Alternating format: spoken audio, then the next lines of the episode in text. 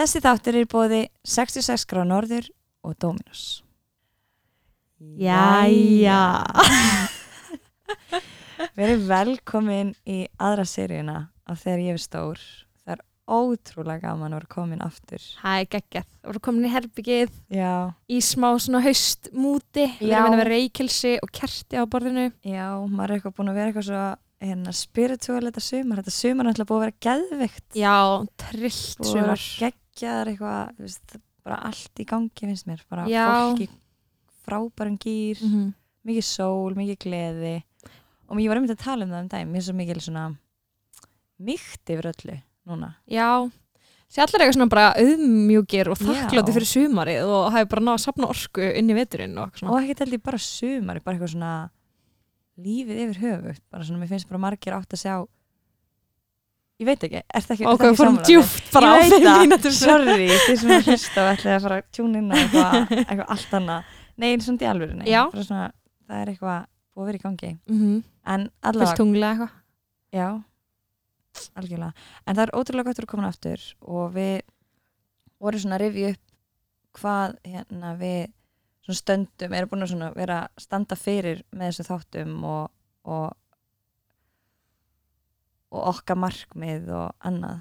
bara svona líka okkar fyrsta sín kannski af veist, við viljum bara að fólk fái innblástur og sjáu kannski smá að það sé allt hægt en það er engin ein leið Já, og, og, líka náttúrulega bara fyrsta pælingin okkar náttúrulega bara að, að gera fyrirmyndir aðeins svona mm, sýnilegri og að því það er, eru svo ótrúlega mikilvægar sérstaklega kvenkins. Og sérstaklega fyrir bara stelpur og Mhm. konur og helst ekki allir sem kannski átta sig á því en það er svona það sem þegar þú sérð einhvern annan gera eitthvað sem að þú heldur að sé ekki hægt þá hefur meiri trú á sjálfum þér. Mhm. og að sjá einhvern um, já í svona leiðtu á hlutverki og, og eitthvað það getur það getur komanni langt sko að vera með fyrirmyndir og annað og í öllu, þá erum við ekki að tala um eitthvað endilega starfsframa eða öðru þú veist, við vonum bara að fólk getur líka fund, fundið einhvern í þessu viðtölum sem hefur sama hugafar eða eitthvað ákveðið svona mitt mindset eða einhver ráð sem einhver ráð sem tekið getur tekið inn við hvað sem er, hvort sem maður sé bara að fara að heimsækja ömmuðin oftar eða að fara í ræktan á morgun eða eitthvað, þú veist, Mhm. það er bara svona markmiðið okkar í þessu sko. Og þetta er náttúrulega einföld pæling að fá bara flottar og sterkar konur til okkar í stúdíóið og tala við þær. Mhm. en erum við ætlum kannski- að halda áfram með það. Já, mér er alveg ennþá sama þörf fyrir um, að bara upplýsa fólk um geggjar konur sem er að gera geggjar hluti og Já. fá ekki ná aðtekli fyrir það. Algjörlega. Og við vorum kannski svolítið að vinna með stærri nöfn í síðustu serju en núna ætlum við bara að taka neglu konur sem að fólk veit kannski ekkert endilega hver eru en eru bara algjör snild og fólk eiginlega verður að hlusta. Og svo fyndi oft líka bara með Ísland. Maður þarf alltaf einhvern veginn að hafa einhver stór nöfn, eh, maður þarf að vita hver allir eru til þess að geta hlusta á þau. Mm -hmm. og þú veist, Ísland er það lítil búbla nú fyrir að það er mjög mikilvægt fyrir okkur að skoða ný nöfn og nýtt Mhm. fólk sem hefur eitthvað merkilegt að segja og bara er bara að gera frábæra hluti. Af því ef við erum endalist í einhverju repeati á einhverju fólki sem við sjáum út um allir væg þá bara hausin okkur verður einhverju ein pínu lítil búbla, mm. -hmm. skilir mig Ertu með þetta mig? Já, klálega líka bara þú veist En ég tengi við þetta, því að maður er alveg stundum eitthvað svona akkur ætti ég að lesa þetta Já, bara hver er grein? þetta? Hver er þetta? Ég hef aldrei heilt þetta ná Nákvæmlega. En þú veist, það er einmitt líka bara við erum kannski með plattform þá til að opna fyrir fleira fólk sko. Já, fyrir líka bara fólk sem, þú veist, eru stór í þeirra geira en hefur kannski Mhm. ekki, þú veist, náð út fyrir þeirra geira þannig að fólk, velneitt fólk veit kannski ekki hverja eru, skilur algjörlega En En svo ég er bara til að kýla á þetta fyrsti gestur í serið 2 er Tanja Sjarof aðstofórstöru Decode Fyndi, ég er búin að segja þetta nafn við marga þetta allir, já, hver er það? Já. Auðvitað skilur Já. þú veist, þú veist ekki endilega hver aðstofórsturi Mhm. Símans eða whatever it is Nákvæmlega, Þannig að en hún er mögnuð. Hún er hefur- geggju þú veist, Sittur í fylta stjórnum og fættist í Rússlandi kemur svolítið svona öðru sér bakgrunn heldur en kannski flestir. Mhm. og Ég er mjög spennt sko. Já, ég er bara geðspennt. Mm og svo gaman að einmitt bara svona líka röglega fyrir marga sem er að byrja aftur í skólanum og svona. Eitthvað smá hverju er ég að læra þú veist, einmitt bara lögfræði eða Mm. hverju er ég að byrja á þriða árinu mínu verkfræði ég, Mm. veist, hvað ætla ég að gera á nákvæmlega sem ég hugsaði fyrst daginn Já. Jæja, af hverju er ég hérna já, þetta er svolítið svona spesþáttu fyrir svona back to school mm dæmi, Við getum alveg tilhengar um það sko eða ekki? Já, Það er bara njótið njótið það er. en mér langar líka að benda á að við vorum að kaupa plöntu Já, ég Já. frá því koncepti Já, það er gett Við byrjuðum meila þáttinn, þetta byrjaði officially í dag Já. Að ég fór í Blómaval og kefti og fekk náttúrulega valkviða ég var í klukkutíma í Blómavali og auðvitað kefti ég plöntinu sem ég svo fyrst.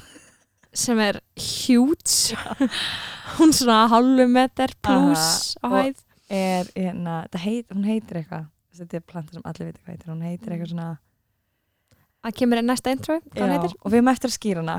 Þannig að þú veist kannski Já, já, Bara nöfn vel ekki? öll nöfn vel þegin um, já, hún ætlar að fylgja okkur í gegnum þetta ferli og það með allir koma og kíkja á hana og vöku hana og, og hugsa um hana. Og kannski stækkar hún frá með tímanu, hver veit? Vanandi yeah, bring it on. Woo, season 2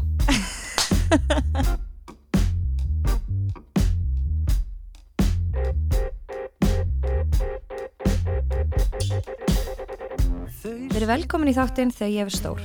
Ég heiti Vaka Njálsdóttir og ég heiti Valur Magnúsdóttir og þessi þáttur er í rauninni fyrsti þáttur af seríu 2 Gestur okkur í kvöld er Tanja Sjarof, aðstofafórstur í Íslenskrar erðagreiningar og stjórnarformaður í ímsum fyrirtækjum. Vertu innilega velkomin til okkar Takk einlega fyrir, takk fyrir að bjóða mér. og takk fyrir að koma. Hvernig hefur það í dag? Bara ljómandi fínt. Hvernig var dagurinn? Heyrðu, svona líka fínt, það er indislega sól, en þá, kannski síðasti þannig síðasti sóladagurinn hérna, til að ljúka þessu indislega sumri sem við erum búin að eiga. Já, ég heldur fáum smá sól á morgun, kannski. Kannski. Þetta er svona, smá gluggaveður sko, maður heldur ennþá að sé sól en svo er eiginlegt sól sko. Já. En þú að gegja sumar. Já, sumar. Yndislegt. Gerður eitthvað skemmtilegt? Já, ég er hérna búin að gera alls konar skemmtilegt. Uh, ég fór í júni með dóttur minni til London. Hún er dansstelpa og við fórum sérst, hún að dansa og ég að chilla fimm daga í júni. Svo fórum við fjölskyldin til Berlínar og vorum í tíu daga. Og síðan fór ég ein með vinkonum minni til New York í viku í júli. Og svo er ég bara búin að vera svona þittið í gardinum og heima heima svona hérna, eitthvað aðeins að skjóta út á land og, og já, það er svona sem ég er búin að vera að gera. Hvernig myndir samt svona lýsa deginuðinum í svona rútínu eða þannig, svona rútínu degi? E, Meinur bara svona frá mótni? Já. já. Já, er ég, ég hérna, ég er ekki A-típa, þannig að ég, ég vakna einhver tíma svona og skrýð fram úr, svona um áttaleitið. Svo reynir ég bara að drífa mig á stað og inn í daginn, í vinnuna. Og hérna, stundur reynir ég að svara einhvern tölupóstum heim að ég leggur stað. Uh, nema þá, hérna, stundum þarf ég náttúrulega að vakna fyrir þetta. En það þið voru að byggja rútínu dag, það kannski er bara engin rútínu dagur hjá mig. Er allir, allir svolítið sitt á hvað.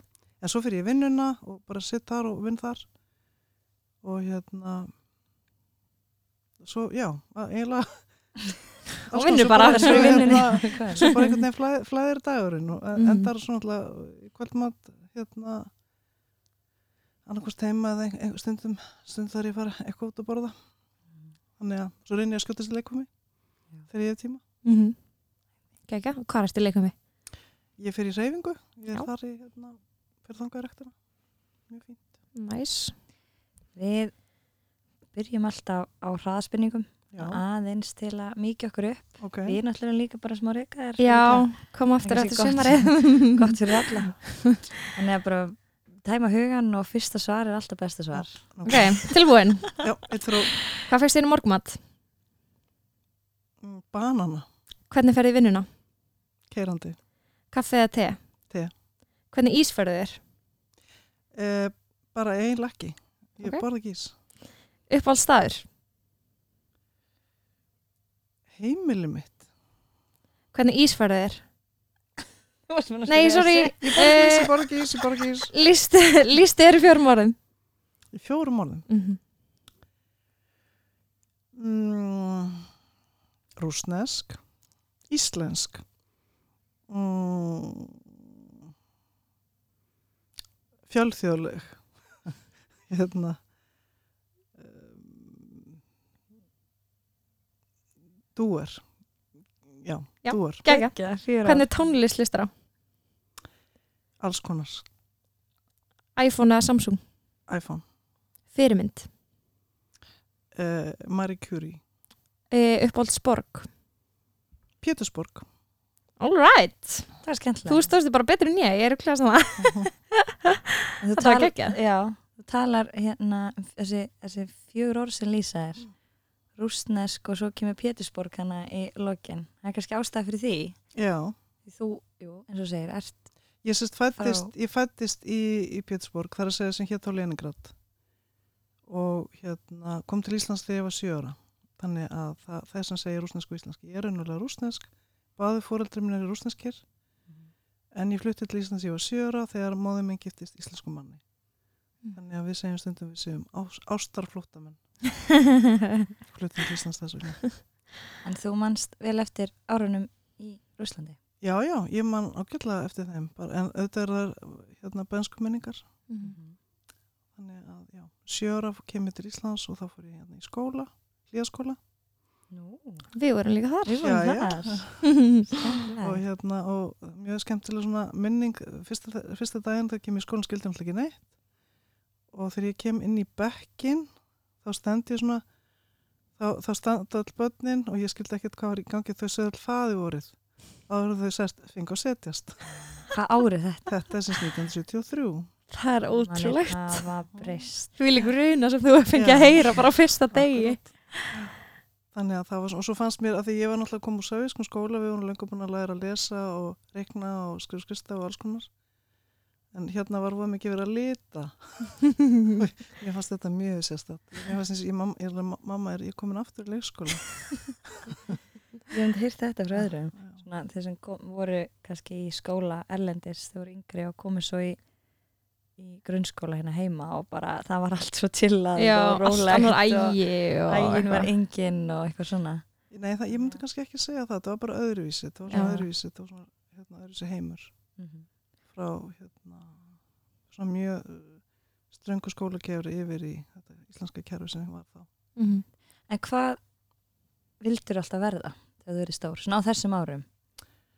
Svona fyrsta minning. Eh, sko, hérna, ég, það sem ég vildi verða því var lítil, við erum að tala um bara svona fjö- fjögur og fimm ára, var við ís, svona skautadrottning á ís. Nei! Geðveikt. Ég er Vá. náttúrulega bjó í Rúslandi, skilji, það var svona Já. það sem maður vildi verða, eða þá fyluleikari eða pjánuleikari. Mm. Það var allt eitthvað svona, Já, allt mjög svona, hérna, standa á sviði eða, já. eða, eða, eða dansa þið vitið á ís. Finnst það það er náttúrulega ekki verra sko. Ég var líka með þannig draum þegar ég var lítill, ég var alltaf að algjörlega. skauta Þú lést hann Já, ég leta hann rætast, að hluta til. Já, ég heldur betur. En, En- svo, hérna lærði ég aldrei, fór ég aldrei að læra á ískvöti, ég sérst lærði hins vegar ballett í staðin, það var svona næsti barfið. ég teki kennslegar aldrei á seint. Og þú ættir eiginlega að byrja Já. með fullanins kennslu. Já, það var Geðveikt. Ég ulsi það síðan, það voru komið í ljós Smá business hugmyndin Já. Viðskiptahund. Þannig að, en já, þú sést að fæðist í Rúslandi Já. og flyttur sjö ára til Íslands. Já. Áttu eitthvað sískinni Já, ég sérst hérna á, ég ætla var engabann í, í Söðuríkjónum, flytti til Íslands einn og síðan egnaðist ég strax systur árið síðar, uh, Natalia heitir hún, hún og svo á ég tvö sískinni sem eru tvíburar, strákur og stelpa, Hlín og Varþór. Þannig að allt í henni var því stóra sýstir sem ég átt að freka þreytandi en ég, hef reynd að vinna mig út úr því. Það er örgulega eitthvað svona að skapa einhvern karakter í þér sem þú ert í dag. Já, örugglega. Að vera með svona ábyrð og, og Já, já, maður, hérna, ég held að fóreldur mér hefði nú ekki mikið þurft að kaupa sér þegar ég ég trú því. En af hverju hlýðanar? Veitir, Já, það er bara það sem að stjúpa minn bjó og hann bjó á Miklubraut og var þar alveg íbúð og við fluttum þangað. Mhm. Og síðan hérna reyndar fluttum við, ég var í hlýðaskóli í tvö ár og svo fórum við, byggum við hérna Langos uh, Langarsvegi eitt ár, þá var ég í Langarskóla eitt ár, síðan flyttum við í Kópavog. Þar var ég líka í skóla og svo fyrir ég í Kvennó sem var þá gagfræðaskóli. Mhm. Já. Ég kláraði þessist grunnskólan í Kvennó sem var Mm. frábært tími. Mhm. Þannig að ég ætlaði alls ekki vilja fara þangað. Mhm. Þá var ég, hvað, 13-14 ára? Og var það á þeim tíma sem voru bara konur? Það voru bara, Í- það voru, tva, við vorum eiginlega bara stelpur, það voru tvei strákar með okkur í bekk, Já. Já. en að, þetta voru allt. Það voru sérst nokkri bekkir og bara í mínu bekk voru tvei strákar. En hvernig gekk er að koma, þú veist, inn í samfélagina heima og læra tungumálið og allt þetta? Sko það, ég, fyrstulega var ég náttúrulega sjö ára og svo er ég hérna uppalinn af fólki sem eru miklu, sérst, það er allir í minni fjölskyldi miklu tungumála, mikið tungumálfólk, mamma er ennsku kennari, stjúpum minn er þýsku kennari, þannig að þau bara tóku þessum verkefni að kenna mér, það var ekki skilið eftir, ég var sérst fekk eh, alls konar bækur sem ég það var látið lesa og þýða og tólka og svo fluttið hérna amma mér frá Rúslandi til Íslands og var hjá okkur og hún var rúsnesku kennari. Þannig að hún let mér líka að tólka og þýða alltaf og ég held alltaf að hún hefði mikið náhuga að lesa morgunblæði það er að segja sérst að að þessi mittluturki því var að þýða fyrir hana. En mörgum ára síðar þá svona eh, hérna rann upp fyrir mig ljós að hún hefði sannlega ekki haft neitt áhuga á því sem var að gerast í hérna, morgunblæðinu heldur var hann að láta mig þýða. Mm þannig að sko þegar ég tengi, ég flutti til Íslands í november 73 og ég tengi, svona, ég veit cirka bát hvernig ég er að kunna íslensku því í mæ næsta ár, sem stála ára síðar þá lendi ég bílslýsi og ég hérna kert á mig og það eru hérna sjúkraflutningamennir taka mig upp í segja hvað heitiru og ég heiti Tanja já, ertu útlensk, það heyrist ekki á mæliðinu sögðu þeir þá og þetta er manni ennþá Mm. þannig að svona, það tók, hefur sérst, það sangur þessu tekið mig hálft ár Mm.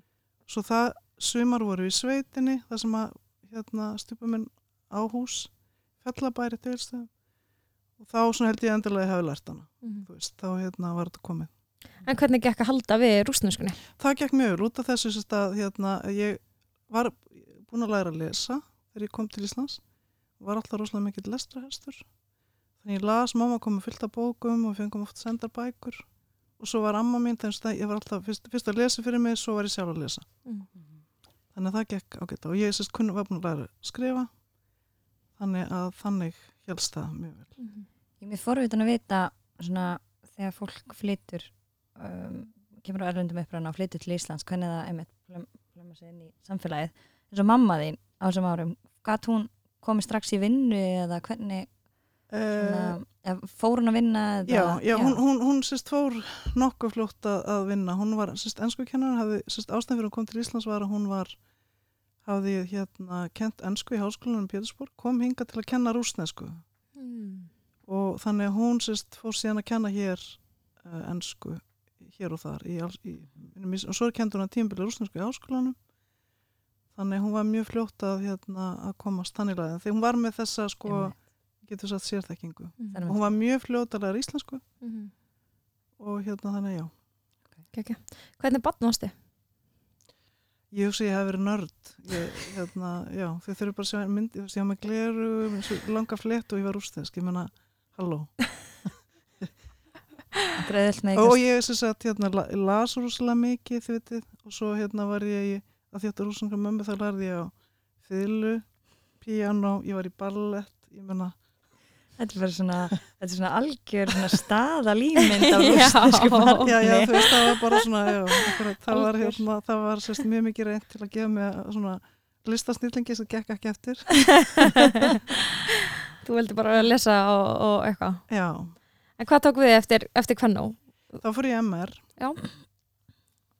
og hérna sem var svona mjög, árum mjög margar stelpur úr, úr hvernig sem fór ég í MR á þessum tíma, ég samtals ekki allar og ég allum sér ennþá mjög góða vinkonur og við vorum fjórar hérna, fórum allar sitt hvort skólan einn í MS, einn í, einn í hérna uh, MH Mm. þannig að já, ég fór sérst í MR Á hvaða Og- braut varstu þar? ég var hérna valdi frönsku, svo fór ég starfræðild og svo var útskrifast LSA 2 og síðan því ég var búin með tvö ár í MR þá fór ég, var ég skiptinni mig, þá fór ég til Belgíu Já, ok. er. Hvernig var það? Það var rosalega fínt, rosalega góð reynsla. Mhm. ég var bjóð hjá indalli fjölskyldu í Antwerpen og gaman að segja fyrir því að ég sérst hafði hugsað mér að læra frönsku og sótt um Frakland, Sviss, Belgíu og ég fekk belgi útlita rosa gaman en ég sérst fekk útlita að vera í í- hérna þar sem að fólk tala flæmsku. En ég var flæmsku. Þannig en það var allt mjög já- jákvætt og ánægilegt ánægilegu tími Já. fannst ég læra hellinga og svona um lífið þar, búa úti og já, bara, þú veist, hjá sér fjölskyldu og, og hérna, Ísland var allt öðru sér á þeir, þú veist, að, ég held ég að fyrst alveg fara út að borða, þú veitir, svona sem hluti af eðlu lífi þar, Mhm. að hérna, svo fjölskylda voru bæði kennar alveg svo fóröldar mínir og þau fóru út að borða eins og viku, mandur, mandurskvöldum. Já. Það bara þótti eðlilegt. Varstu virki félagslífi og svona í mennskóla? Í mentaskóla var ég svona alveg, já, ég var sem sagt uh, einn vitur í herranótt. Að leika? Já, ég var í svona smá hlutverki, hérna, ég var, mann það var sannlega fyrir öðru árunu. Og hérna, og svo misti ég svona tengsli við það þegar ég var skiptinu með, svo þegar ég kom heim þá fór ég í listafélagi. Þannig að þú varst svona aðeins að reyna að fara í lista áttina. Já, algjörlega, ég var, svo hefur fórsetið listafélagsins síðast árið. Já.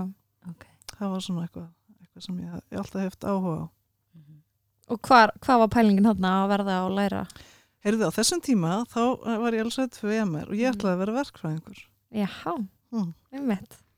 Og, hérna, og ég held, sko hans, ég, þú veist, það var svona einhver óli sugmynd, ég held ég hef ætlaði að vera byggingaverkfræðingur. E- ekki spyrjum að, þú veist, ég var um einhver svona en svo hérna ægslega slutin er ekki þannig því að uh, ég þarna, ég hugsa hvað ég, hefur verið í nýju tíma vikum í starffræði og þú veit, sjú tíma viku í ellisfræði og eitthvað svona eins og var þótti aðeinlegt í MR og þykja vist enn. Og þá hérna í stúdinsprófunum þegar ég var að læra undir lesna starffræði og þú veist, munlega lesna starffræði þá einhvern veginn bara, já, svo var ég að sama tíma að skoða bæklingin um hérna verkfræðanámið þá hugsaði ég bara, þú veist ég erst að djóka í mér? 36 tímar á viku ha? og svo á maður eftir að læra heima. Þannig ég hugsaði, nei, ég ætla að fresta þessu þannig um vorið þegar ég verð stúdent það gekk allt mjög vel og svona. Það var svona, hérna, augljóst að ég ætti að fara í verkfræðin sem ég var búin að ætla mér. Þá allt hennu einhvern veginn gæti ekki hugsa mér það. Þannig að þannig um vorið þá skráði ég mig til að gera bara eitthvað. Og þá hugsaði ég bara, ja, ennska og saga. Mig í það. Svo þegar haustu kemur og þá á þessum tíma erum við unnu við öll, þú veist, mæ, júni, júli og ég átti að vera hérna, verkræðin alltaf þar að ekki byrjaði fyrsta september ég var alveg, halló, það gengur ekki. Ennska saga byrjaði 20. september.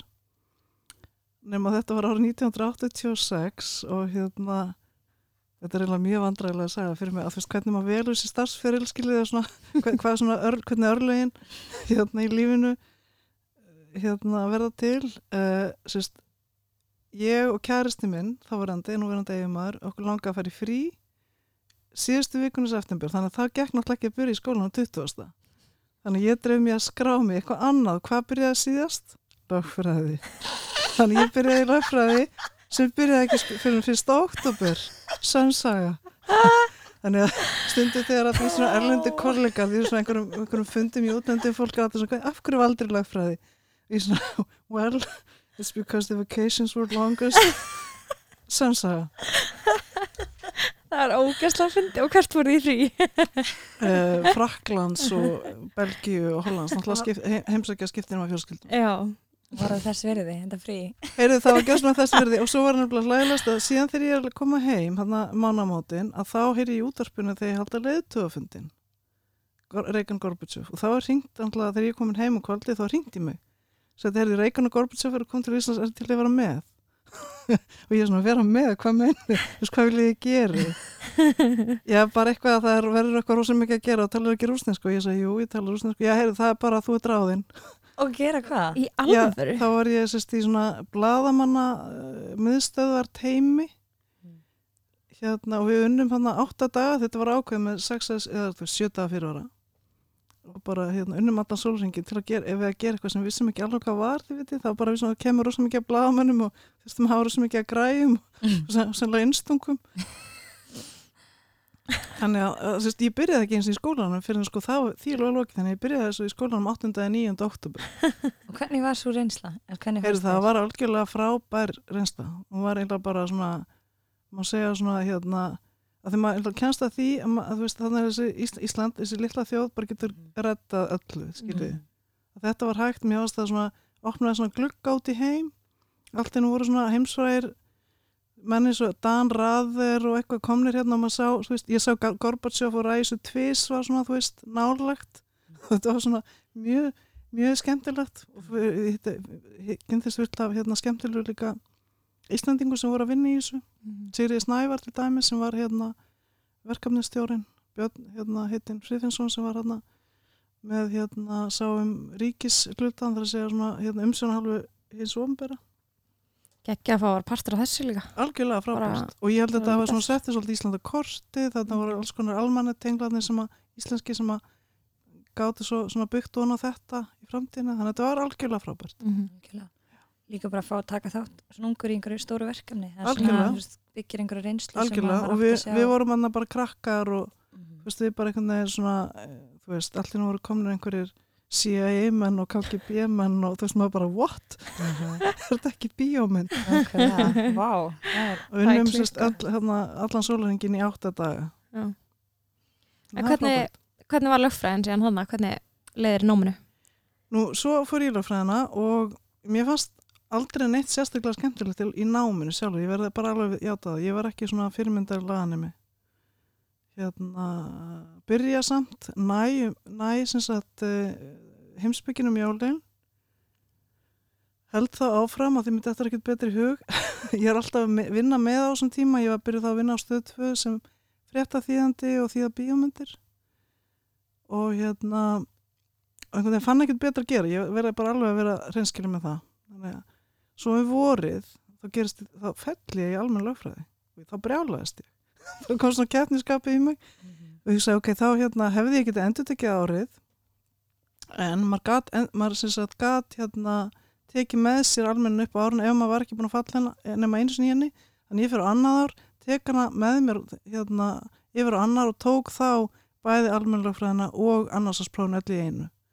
Þá var komið svona keppniskap í mig. Þá var ég búin að ná þessum markmiði þá náttúrulega var ekki aftur snúið, þá þurfti ég að klára þetta. En hérna já, mér fannst sjálf námið það, það, það, svona, það hendaði mér mjög vel. Hérna, það var ekki 36 tímar á viku eins og í verkfræði, það var sérst hérna, námið sjálf það voru tíma frá 8 mátnir 12 og svo áttum við restina deginu frjálsan. Það var, ekki, það var hérna bara vorpróf sem þýtti það að ég gæti lesið og það var alltaf frí, mánaði frí á undan fyrir prófin. Þannig að maður gæti sérst unnið allavega ég vann og vann og svo las ég rosalega mikið fyrir prófin. Og svo bara tók ég prófin. Þannig að svona fór ég einhvern veginn í hérna, gegnum háskólann. lögfræðina. Var þetta ennþá þá svona þrjú ár í BIA og svo? Nei, nei, það var bara fimm ástreið, það var ekki þrjú ára, tvö ára eins og núna, það er bara Mhm. fimm ár og þá varstu kandjúris. Já, En á þessum svona árum þú ert í lögfræðinni, ertu með einhverja hugmynd hvað þið langaði að nýta þið námið í? Já, sko, ég held ég hef var með einhverja svona ólösa hugmyndum að fara að vinna fyrir alþjóðastofnanir, en svo reyndar var það svona momentum mér sem er 89, þá var ég búið með þrjú ár. Þá var auglist svona hérna, námskeið í, hjá saminu þjóðanum í New York. Ég náttúrulega svo með það og fekk að fara og var í svona hérna, námstvöl í átta vikur í New York. Uh, hérna með skólasysteminni sem fór líka, fórum tvær svona íslenskar. E, nema hvað að ég held að þetta hafi orðið til þess að ég ákvaða að fara ekki í, hérna, í þennan geira. Þetta var frábært sko, frábært í New York, allt frábært. Hérna maður sá alls kannar en á sama tíma þá fann ég bara svona dýnamikinn í alþjóðastofnun á þeim tíma. Þetta var hérna sumur 89 sem að Namibía var á þessum tíma var að verða hérna e, sjálfstæð þannig að þetta var eiginlega þetta voru hálf tómar og þetta starfsmenni voru frarnir til Namibíu að þetta var svo merkilegt á síðasta nýlendan. Þú veist, allir þurfti að fylgjast með því hvernig síðasta nýlendan hérna varð frjáls.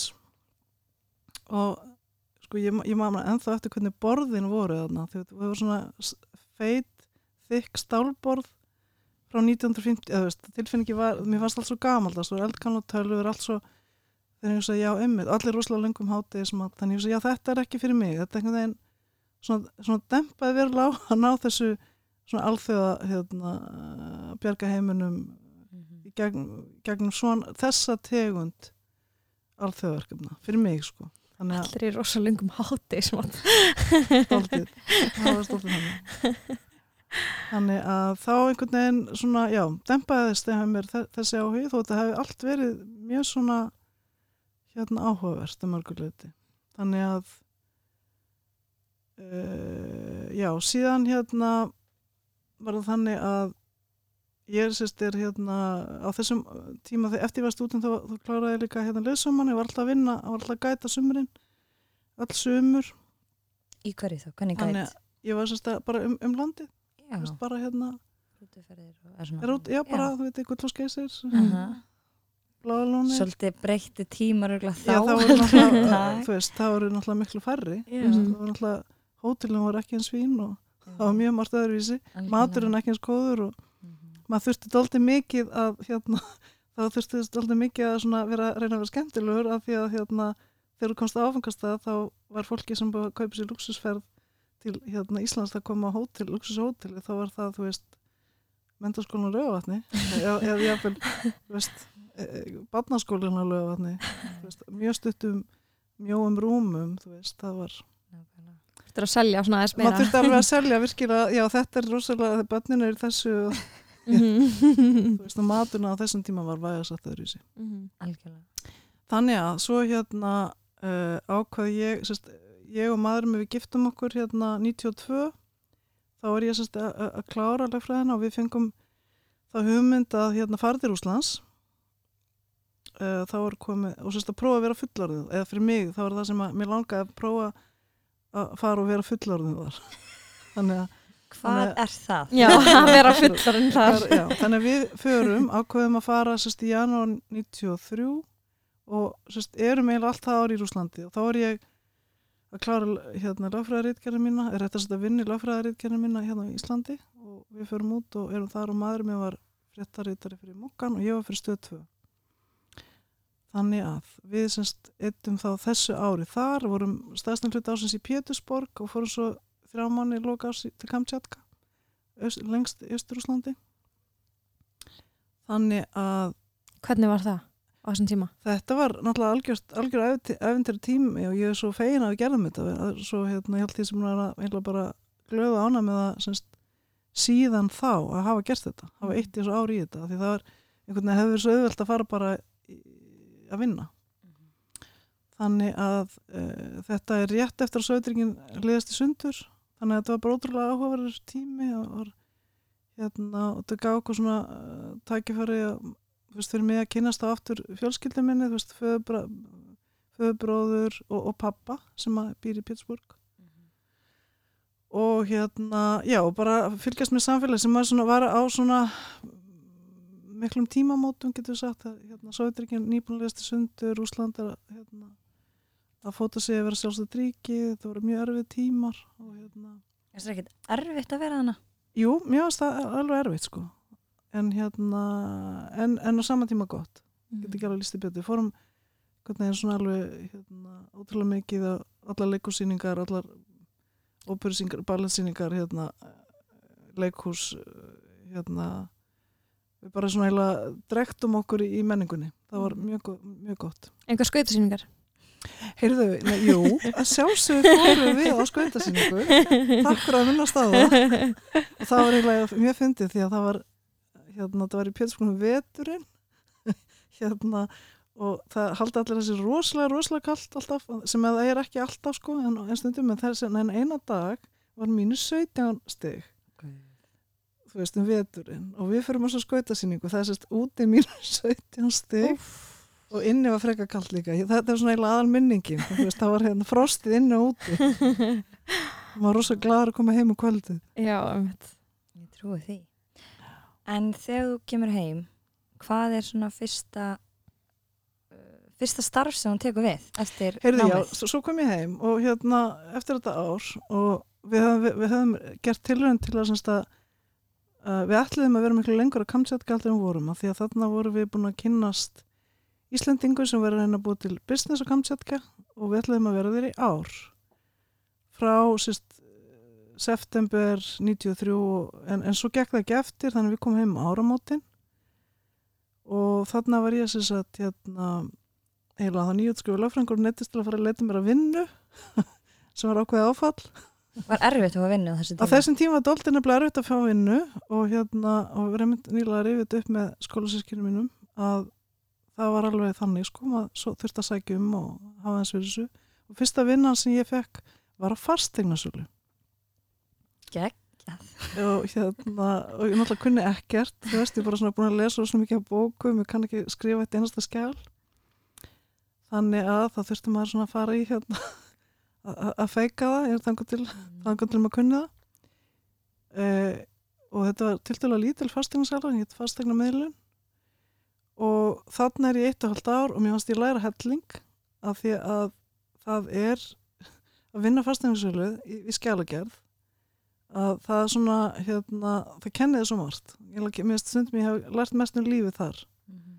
að þú svona lær, þú, þú, er þau stæðstu viðskipti sem fólk á á lífsleðinni og hérna hjálpa fólki gegnum þetta sem var mitt starf, það var einhverja skjálagerðin svo þegar ég var að byrja þá, þá var ég búin að temja með alls konar svona triks til að hérna, þú veist, ég undirbjóð mig, ég mætti á undan ég, þú veist, það er búin að ræða allir skjölunum upp og bara svona til að því ég, þá var ég sko ég hafði aldrei gett mér fastning sjálf, skiljið það var svona nýjótt skrifuð og sem, sagt, svo er svona eldra fólk að kaupa og selja dýra einbýlishús eða, eða þá litla hvað sem það var.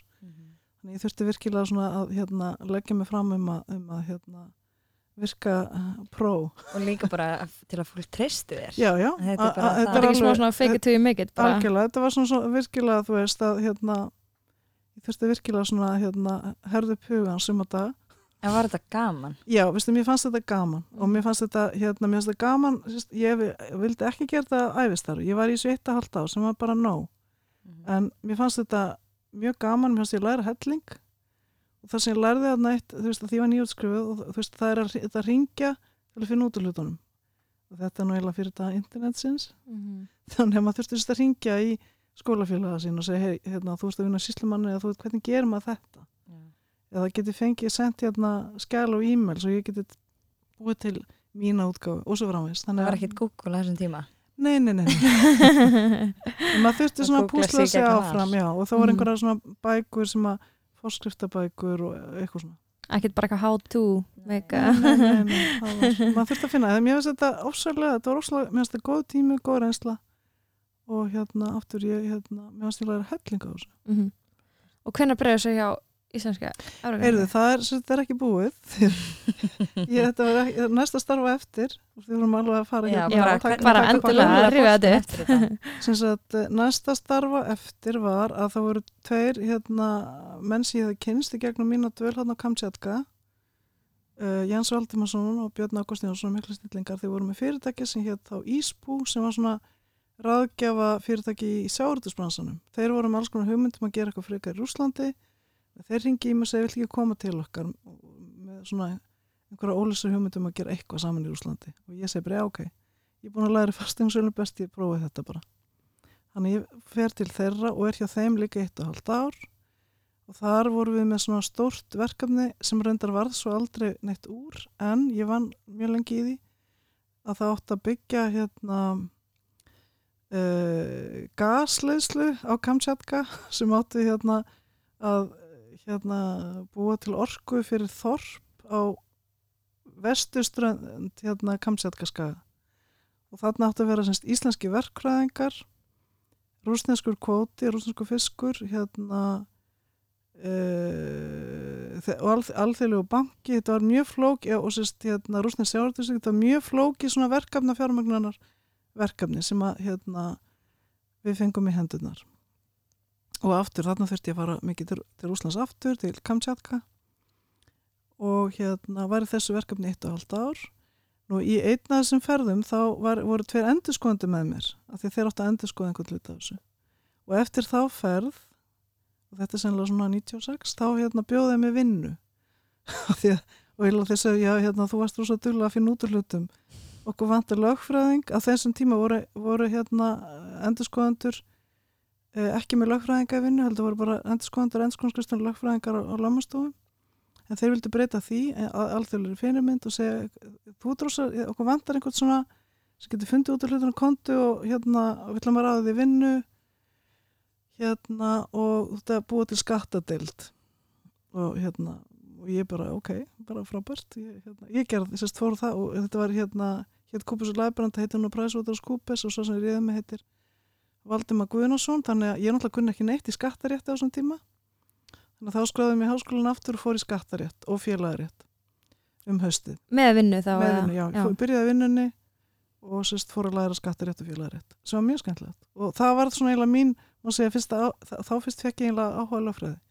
Því mér fann skattaréttur svo skemmtilegur sem engi skilur en um þessum vinni skattarétti.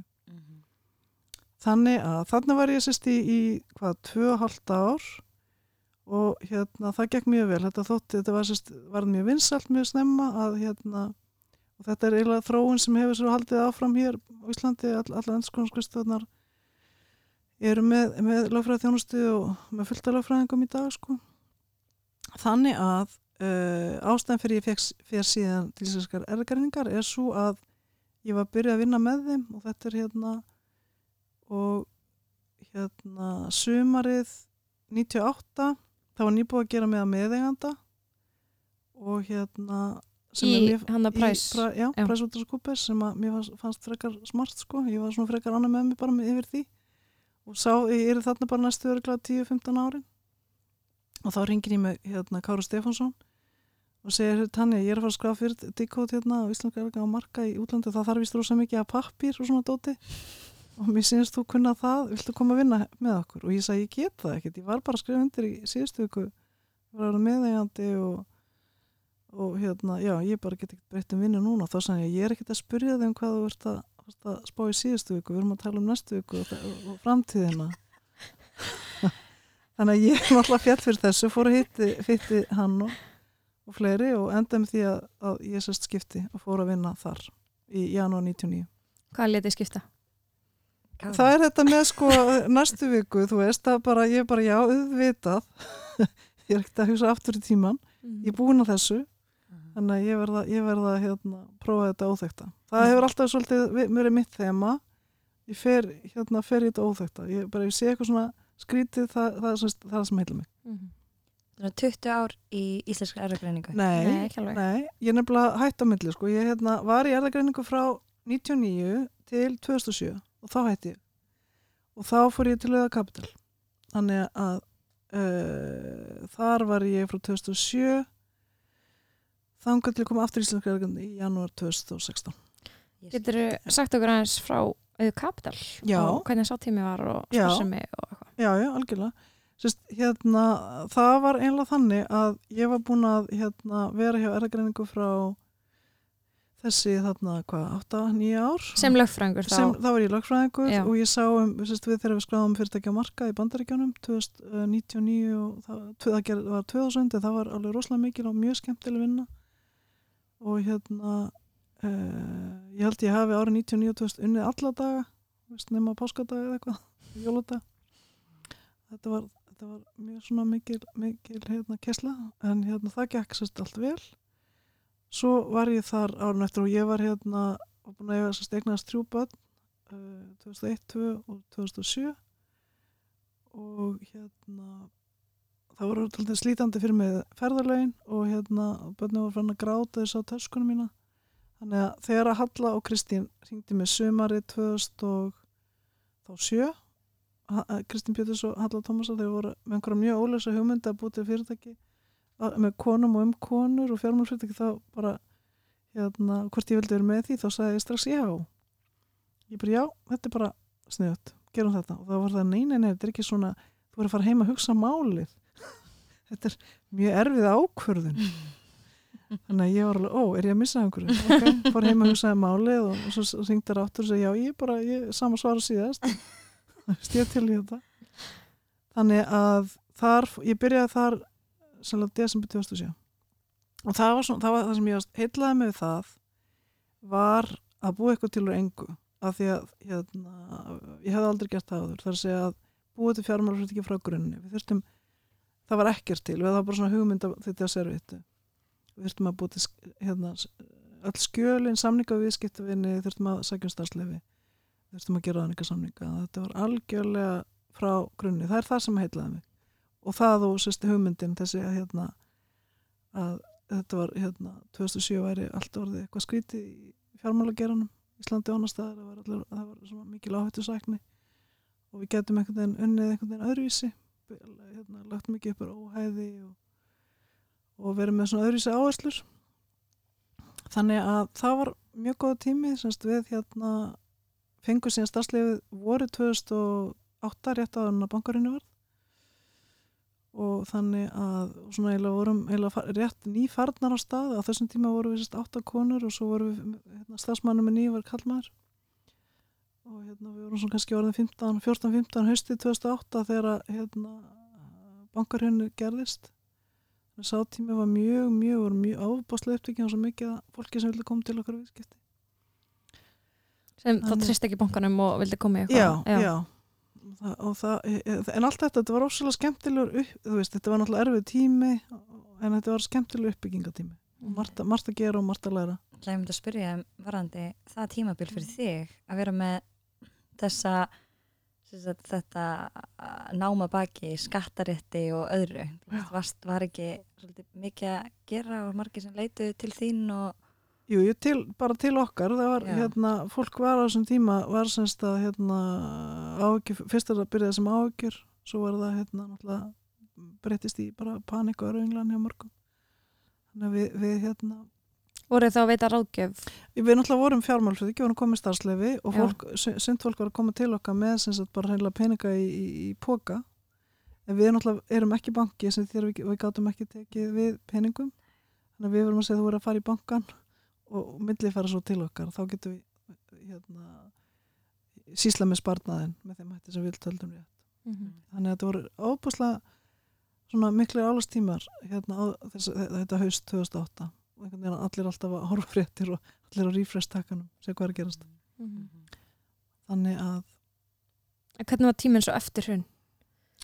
Að Já, það var náttúrulega, þetta var svona, hérna, þetta var bara einlega skrýtni tímar, ég held að það sé bara rétt á orðið, sko, hérna, við vorum til dæmis búin að, hérna, við, með, við vorum með, hérna, fagfjárastasjóð sem að ok- okkur, við höfum aflað fjár í jan og februar 2000, og, uh, 2008, já, 2008, fyrir raunnið. Þannig að þessi fagfjárastasjóð átti að vera fjárfesta árið 2009 og 10 það var svo erfitt að því fyrst, fyrst hérna, það var svo óljós hver átti hvað, hver átti fyrirtækin á þessum tíma, að með að vera svona hérna það, það var ekki alveg ljóst. Þannig að það var kannski hérna það voru tækifæri, kauptækifæri hefði átt að vera en voru það ekki alveg strax fyrir en kannski 2000 og, en það var óbúslega mikið að gera einhvern veginn alltaf, það var alltaf svona það var alltaf endalast svona áreiti og það var alltaf samfélagslegur óráleiki og alls konar og náttúrulega hérna, við að við erum ekki svo mikið, eða það er erfið tíma að vera í fjármálgerðum í Íslandi. Af því það var alls þessum komst, það var alltaf verið að tala um fjármálgerðan og fólki fjármálgerðan Mhm. en hérna Heldur þau að það hefur verið leita meiri til ykkar af því að um, og heldur fólk að þið finnist auðvöldar að leita til hvern þessu ég, ég held það, það voru margir sem nefndu það. Já. að, hérna, sem, sem ákvörðuna ástöðu að hérna, það væri eitthvað sem að þeir myndu vilja koma hérna, fjármennu sínum í skjól hjá, hjá okkur stelpunum. Mhm. það var alveg klart að á, á svona áhugaverð pæling ég var alltaf held í þessu sko. Mhm. fólk komið nóga út úr þess að en vikingunum þetta er eitthvað svona örugglega líka eitthvað svona einmitt að já. Þegar maður hrættur eitthvað leitast Mhm. í eitthvað, eitthvað mýgra sko. Ég veit það ekki, þú veist ég er bara velta þessu fyrir mér. Já, þetta er mjög áverð pæling sko. Já. Klásmál en já og auðvitað kapital hann rúlar boltinn þar og Nei, nei, auður, auður sem saminast síðan öðru fjármálflutningi sem heitir Virðing og Virðing svo síðan hérna, saminast Kvikubanka sem er núna starfandi fjármálflutningabanki. Mhm. Já. Þannig að ég sérst eftir uh, hérna, að hafa lokið samrunanum auður Virðing sem ég kláraði og leti þá lögfræðinu og þá, þá hérna sérst, er það ekki mér að koma aftur og ég hugsaði já, já, þetta er einhvern veginn búin að klára það sem ég langaði að klára Mhm. uh, í það sem ég var í þessu og þannig ég ákvað að fara aftur Hringdi Kár það aftur í þig bara hæ já það ég alveg segja það og farið þið þá strax þá stöðu að vera aðstofustir er það staðan sem það já, er búið já, 2016 já. Já. Þegar ég byrjaði aftur 2016 já. Mhm. Og hvað gerir aðstofastur í díkot? Eða íslenska erðagreiningar? Já, sko, ég sinni náttúrulega líka alls konar lögfræðiverkefnum til dæmis, við erum reyndar að vísu líka við erum með lögfræðidild, en hérna ég sinni bara alls konar, getur við sagt hérna, ég er líka persónuvenda fulltrú fyrirtækisins og ég sinni, sinni svona alls konar stjórnunar og, og hérna störfum getur við sagt Mm. og alls konar lögfræðiverkefnum. Hvernig er að vinna með Ká- Kára Steff, ef ég má spyrja? Heyrðu, það er bara ljómandi fínt, við hefum alltaf átt gott samstarf. Mhm. algjör snillingur sá maður Einstakum maður. ég er mikil, já ég held mikið upp á hann algjör En svo hefur líka verið í stjórnum, Já, fjöldastjórna. já, ég hérna eiginlega byrjaði, fyrsta stjórnarsetta mín var hjá Orf líftækni. Ég fór þar í stjórn, þá var ég ennþá fyrraskipti í aðrækningu 2005. Það var svona þannig að minn bransi, líf, líftækni bransi. Þá var Orf, Orf, Orf líftækni að stopna 2000 og þreymur frumkvölum. Þannig ég fór þar 2005 og var þar í stjórn til 2010 og var stjórnaformaður Mm. þrjú ára fimm. Og hérna, eða kannast við orðlíftekni það er þessi fyrirtæki sem gerir E- EGF drópana, það er svona hérna, þekktasta varan þeirra, Mm öll svo vörulína kremin og, og svona, að var þetta var svona eiginlega þeim árin sem að var verið að vinna alltaf þá hugmynda á grunnvinnu sem að hefa núna orðið til þess að þetta þessi frábara varaði til. Svo ertu í hérna ég ætla bara að lesa þetta yfir svona rétt svo þurfur ekki að Þú mátt gleyma þetta, það gæti verið að vanta eitthvað inn í, Já, eitthvað nýlegt. endilega. en þú ert í, svo ferði í auði og carbon recycling. Já, það er, það er svona karbonisegling en ísköpuna fyrirtæki Mhm. hérna, sem að ég hef ég lent í stjórn í 2000, 2000 og hvað, 10 2009 2009, já. Mhm. Og ég einhvern veginn bara, þetta er bara einhvern veginn eins og þessi æfiverkefni hjá mér hérna, hérna, en það er bara eitthvað, eitthvað þú veist, hérna það er eitthvað við það verkefni sem er svo frábært að ég einhvern veginn samfæst alltaf um á hverju ári ég þurfa að vera aðeins lengur. Algjörlega. Sérstaklega á þessum tímum. þessum tímum að hérna, Greta Thunberg og, og svo framvegast hún spyr dóttir mér spyr, um- spyr um, hva, mamma hvert þú að gera í þessu? Ég, ég, ég er að gera eitthvað. Ég er, ég er að hamast og svo ertu í tryggingarsjóðum og sjúkring er, hæ- Íslands. þetta eru verkefni sem ég er hætt í já, já, já, ég er bara svona aðeins að er upp svo fólk átti sig á Já, ég var, tryggingastöður innastæðið og ég var varamæður þar í stjórn í, meðan ég var hjá. Svo sjúkratingar, ég var þar eitt og allt Mhm. og Íslandssjóðir. Íslandsjóður þar er ég að þá, ég, hérna, þar er ég búin að vera frá 2016. Íslandsjóður er dótturfélag Íslandsbanka, það er svona hérna, félag sem har sjóðastýringa. Svo í dag ertu líka í sín er það ekki Jú, ég er til dæra nýkomin í, í stjórn sínar Mhm. sem er skráðfélag. Og hvernig finnst þér, þú veist, bara munurinn á bara dýnamíkinni í stjórnum þá og nú, finnst mikið búið að breytast? Bara Mennur þá nú, þú veist, með tilliti til hvenna og kynni hlutfalls. Ég meina þegar, þú veist, ég var að byrja þá var náttúrulega voru uh, ekkert margar konur í stjórnum. Þegar að, hérna, ég fyrir minna fyrstu stjórn 2005, þá var ég ein. Og ég var ein allan tíma. Uh, svo, þegar ég var hætti að það kom önnur koni staði fyrir mig. Þannig að Og það var svona konan í stjórninni. Já, já. Og hérna, þannig, já. Mhm. og þá, það var hérna en ég hef aldrei tekið það nærri mér skilja að vera konan í stjórninni af því að með sama hætti og er hægt að segja að ég er líka lögfræðingur í stjórninni Mhm. ég er skattal, veist, það er bara það sem ég er Mhm. þannig, og ég, ég, var, ég, ég skammast mér alls ekki fyrir það þannig að það að segja að ég fái hérna, tækifæri að því ég kvenkist það er bara, ég tek það ekki nærri mér ég minnst Mhm. það bara fínt sko Mhm. og það er bara grundvallar hugsun í þessu máli finnst mér sko Mhm. Þannig að um, í dag er náttúrulega þessi kynja kóti, og hvaða skoðun hefur á honum. Já, það er einlega, svo skoðun hefur þróast. Ég get alveg sagt þér hvað mér fannst einu sinni þegar ég var yngri, þegar ég var 30 eitthvað þá hugsaði ég alltaf, nei, ég þarf enga að kynja kvóta við bara gerum þetta alltaf verðleikunum og ég vil ekki láta eitthvað bjóða mér neitt af því að ég er kona, bla bla bla. Svo þegar ég er svona fertug þá er ég svona byrju, af hverju er ég að móta kynjakvótum?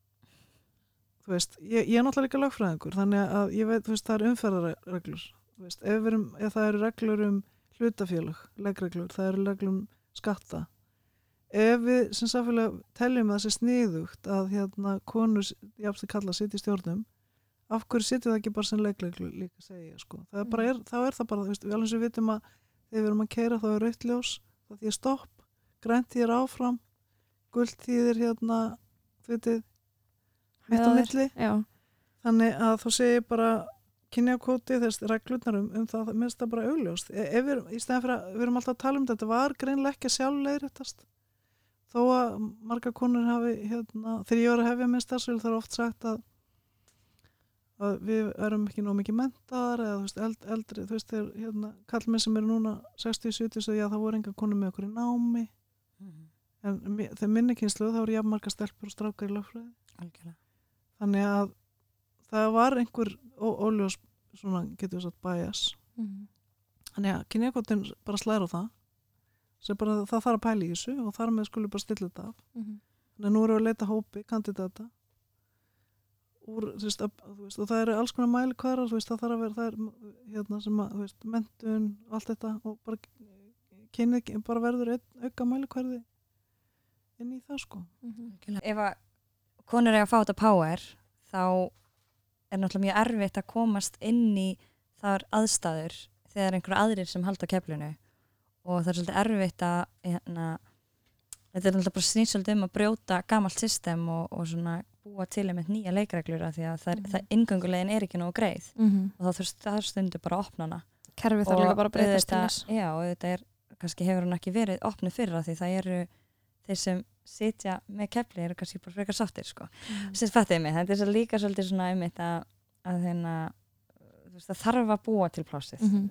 og það held ég sérstaklega í þessum stjórnar hérna stjórnarforman stöðum í Mhm. fyrirtækjum það sem er mitt svona mesta kannski já svona powerið kemur kannski eða hvað finnst þér? Ég minnst til að bestu rökin eru, eru þau að við erum með, þú veist, 100 mann, segjum bara 100 manns hérna kandidatar sem eru, við, erum að ráði, í, ráði eitthvað verkefni og við erum með annars vegar 100 manna hóp sem við ætlum veljur annars, eða þá ætlum við að velja bara af 50 manna hóp.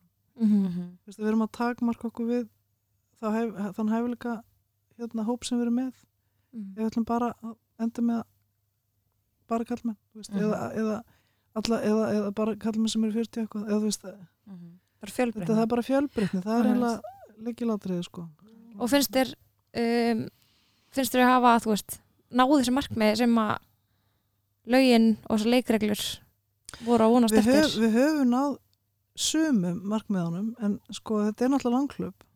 Hérna klálega eru miklu fleiri konur í stjórnum og hérna þetta er, þetta er langklöp. Það er, veist, og það er hérna það er bara alltaf að, að, að hérna, hérna, þró, þróa þetta áfram og, og vinna í þessu og það er það finnst mér sem að og það er verið að tala um þetta og það er, það er áhuga á þessu þú veist, ég held að aðalmáli sé líka bara enga stelpur þær, þú veist e- eignast einhverja fyrirmyndir og, og hérna, þetta sé hægt og, og hérna, og ekki alltaf vera að tala þetta niður Mhm. því að hérna þetta er, þetta er, þetta er klálega hægt og þetta er að gerast líka ladri líka að taka eftir að Mhm. gerast Nákvæmlega. Segja bara fórsætsára þú veist það hérna, það er oft þurfa gerst sögun að benda manni á það sem að er hérna þú veist, þegar Katrin Jakobsdóttir fer í viðtölu í Erlendu fjölmila þá eh, þú veist stelpur og ykkar kynslu í öðrum löndum það er taka eftir því og finnst það merkilegt Mhm. það finnst mér mikilvægt að við séum líka að taka eftir því sjálfar Nákvæmlega. Um, nú erum við svona að koma að lókum. Eh, ertu með einhver ráð sem að myndi gefa? í, sest, svona í getur við sagt í, í, í vinnu eða, eða, Já. algjörlega atvinnulífinu og líka bara hvernig, Mhm. hvernig maður já, Já, ég er einlega bara sko, nummer eitt, vera, vera þú sjálf, það er bara líkilatrið, þú veist, það þýðir ekki að vera neitt, neitt annar en maður er. Nummer tvö, ekki hika, það er, það að segja, hérna, ef það koma tæki fyrir að reyna að stökka á þau. Finnst eitt gott, gott ráð sem ég hefur verið svolítið að hugsa um síðastu, hérna, það er þetta sko ekki ákveða of mikið hvað þið ætla að gera þegar er orðnar stórar, af því að þannig eiginlega glatum að tækifærni sem að Þú veist, ef maður er búin að vera svo mikið ákveða sko, að þá sér maður kannski ekki tækifæri sem er allt í kring. Mhm. Stökk og tækifæri sem er í kring. Og þú getur verið eitthvað sem er ekkert endilega augljóst og hérna, en getur orðið að því æfintýrin gerast út um allt eiginlega. og ég held að í, það sem er kosturinn við það að búa í svona litlu land- landi svo Íslandi að það eru tækifur út um allt og þau, það er miklu hérna auðveldara að komast í spennandi verkefni hér heldur en í, við, við annar staðar þau eru þau eru miklu nærði af því þið- maður getur svona meira stokkið hérna einhvern veginn óvart inn í þau Mm. og líkilatur þá þá að vera mópinu. Einmitt. En Tanja, hvað viltu vera þegar þú verður stór? Heyrðu, ég er ekki búin að ákveða það. Nei. það er svo skemmtilegt og ég ætla Mm. aldrei að ákveða það er með það sem við held ég höfum bara svolítið komið staðið í þessum þáttum að það, þú veist, það er held ekkert eitt eins og segir, svo breytist þetta líka bara stundir frá degi til dags og þú veist þetta er bara einhvern veginn mjög mismendi, sko ég fýl þetta að taka ekki hérna um þetta, sjá tækifærin í kring og einmitt bara ekki Mhm. segja nei Já. bara svolítið að en í svo líka að hlusta hjarta líka að hlusta, hlusta, sko, þetta með að segja nei það er stundum sagt að stelpur að segja nei og eitthvað bla bla en ég segi líka, eh, stundum er líka allt í lagi að segja nei veist. Mhm, eða þá að prófa eitthvað og maður fattar að maður, maður langar, það, það er eitthvað við það sem er ekki mhm. þá er líka alltaf að stakk út úr því Mhm. þannig að þetta er svona balans Mhm. ekki, en, en að- aðalmáli held ég sé ekki þetta ekki hvernig get ég orðað þetta? Ekki hérna á einsku myndi ég segja self-audit. Ekki sko hérna, þetta tjakksagan hérna hafi ekki hér tjakksöguna? Nei, Nei, hvernig með hana? maður með tjakkin, hvernig var þetta? Hann hérna eh, sérst maður er einhvers staðar að keira á Suðurlandi og springur hjá honum. Hérna dekkið og þetta er miðanótt og hann sérst bara fyrir út af bílunum lappar, lappar, lappar og svo er hann að tala við sjálf sérst, hann þarf að komast einhvern bóndabæð sem er lengst í burtu. Þetta er náttúrulega fyrir dag gemsana hann lappar, lappar og byrja að tala, ég meina, ég kem að það miðanótt og maður þekkir mikið neitt og ég bara kem að það ég bara veist, ég, þarf, að- ég, ég er hverju fyrir að byrja þeim ég, ég vant að meina, maðurinn alltaf segir sér fáti hvað er aðrir hann reykvíkingur þinn og hvað, okkur ég er hjálpað þér og svona þusar hann allan þegar hann kemur að bænum dinglar upp úr dinglar á sérstörðina og segir kemur bóndin til dyra og það segir hann mér vantar ekkert þennan helvitist tjakka. Og búið, þú veist, er, þetta er svona, þið veitir, þetta með að tala kjark svolítið úr sjálfum sem segja, nei, ég hend ekki eða ég eitthvað. Hérna, líkillin er bara að segja, veist, ég geti talað eins og allir aðrir og hérna, bara áfram. Bara góð fyrir þetta, Sjálfsögur ekki já, sjálfsöryggi og þá maður kunni ekki allt. Nákvæmlega einn stelpur sem leitar að hjá mér og var að fara í aðtunumvittar og var eitthvað að byrja, ég kann ekki þetta og hitt. Og þá segir við hana, það kann engin neitt. Mhm, það er bara allir að gera sitt besta. Mhm. það er svona heila besta Mhm. Þú veist, þið bara hérna, það, þú veist hérna, eh, eh, verkefni er hérna reynda að leysa það. Það er stuttum ég gef. Mhm. verkefni það, ef verkefni er spennandi þá einbyttir maður sig að leysa það það er bara það sem er svona hérna sem að hérna, ráðið. Gott hugafar fá Frábært. bara loka orð Gott bara að takk fá fyrir að komuna já, bara gaman að koma til hérna- okkar. Það er svo sjálfræði tími bara. Já, það er ekki. Það er svo snart Takk æsla fyrir og takk fyrir að hlusta. Takk fyrir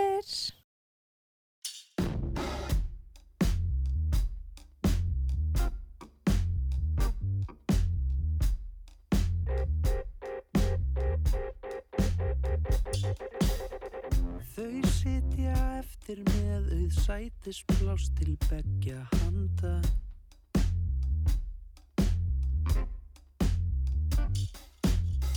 Dreipandi sitt á hvað á drikkjunum sem eftir standa.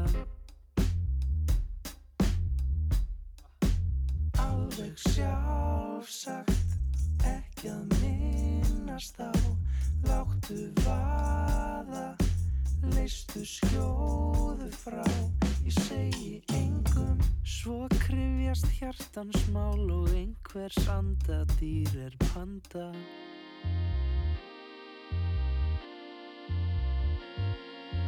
Trún og trún á, við kinn þú og ég og einhver vinnu þinn. Trún og treyna, trún og viðhalda nóttin naumast orðin viðhalda. Trún og trún á, við kinn Þú og ég og einhver vinur þinn Trún og treyna, trún og viðhalda Nóttin laum og stóðin viðhaldra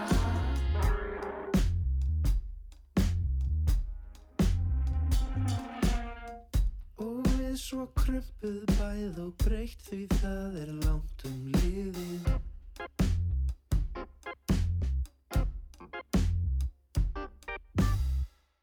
Og hundruð hunda ára hafa okkar daga drifið Alveg sjálfsagt ekki að minnast á. Láttu vaða, leistu slóðu frá. Ég segi